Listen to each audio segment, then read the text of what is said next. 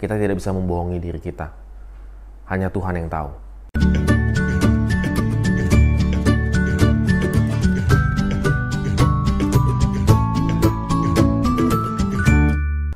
Morning Good Traders, tetap semangat dan tetap inspiratif untuk memulai hari ini bersama dengan Tuhan. Dan kita lanjutkan pembacaan kita di Nehemia pasal 2 ayat 1 sampai dengan yang ke-20 dan tetap juga setia membaca firman Tuhan. Bagaimana Nehemia mulai membangun pembangunan tembok Yerusalem yang hancur itu? Bagaimana strateginya? Yang pertama adalah berdoa. Waktu bertemu dengan Raja Artas Sasta, dia berdoa. Nehemia pasal 2 ayat yang keempat tadi kita bisa lihat.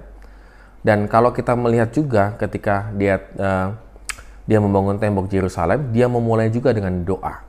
Di ayat 17 sampai dengan yang ke-20.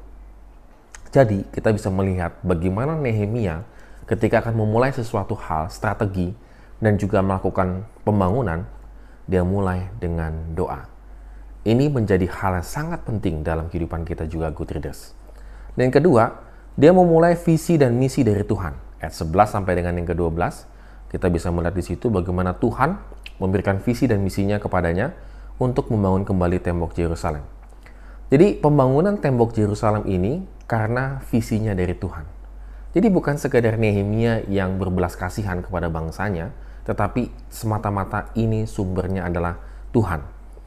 Dan memang uh, bukan berarti kalau ini visinya dari Tuhan tidak ada tantangan ya dan rintangan tetap ada. Tetapi tetap berbeda sekali kalau visi itu kita dapatkan dari Tuhan.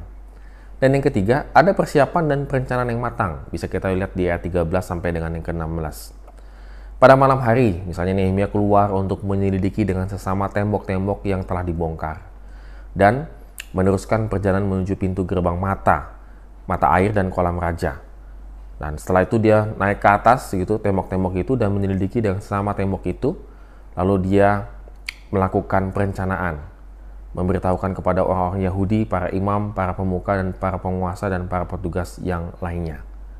Walaupun memang tentu ada hambatan dan kesulitan, tetapi tetap dia mau setia menjalankan visinya Tuhan.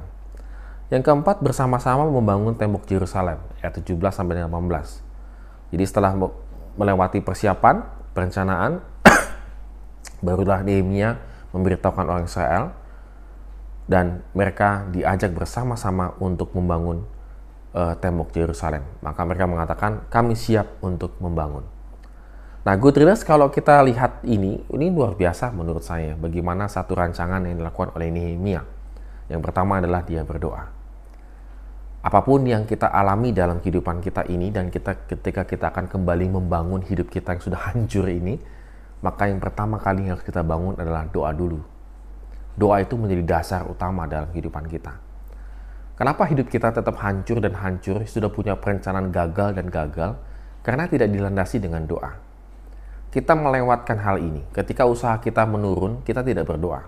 Ketika pekerjaan kita semakin sulit, kita tidak berdoa Ketika kita mengeluh penghasilan kita rendah, kita tidak berdoa. Eh, Nehemia membangun segala sesuatunya dengan doa.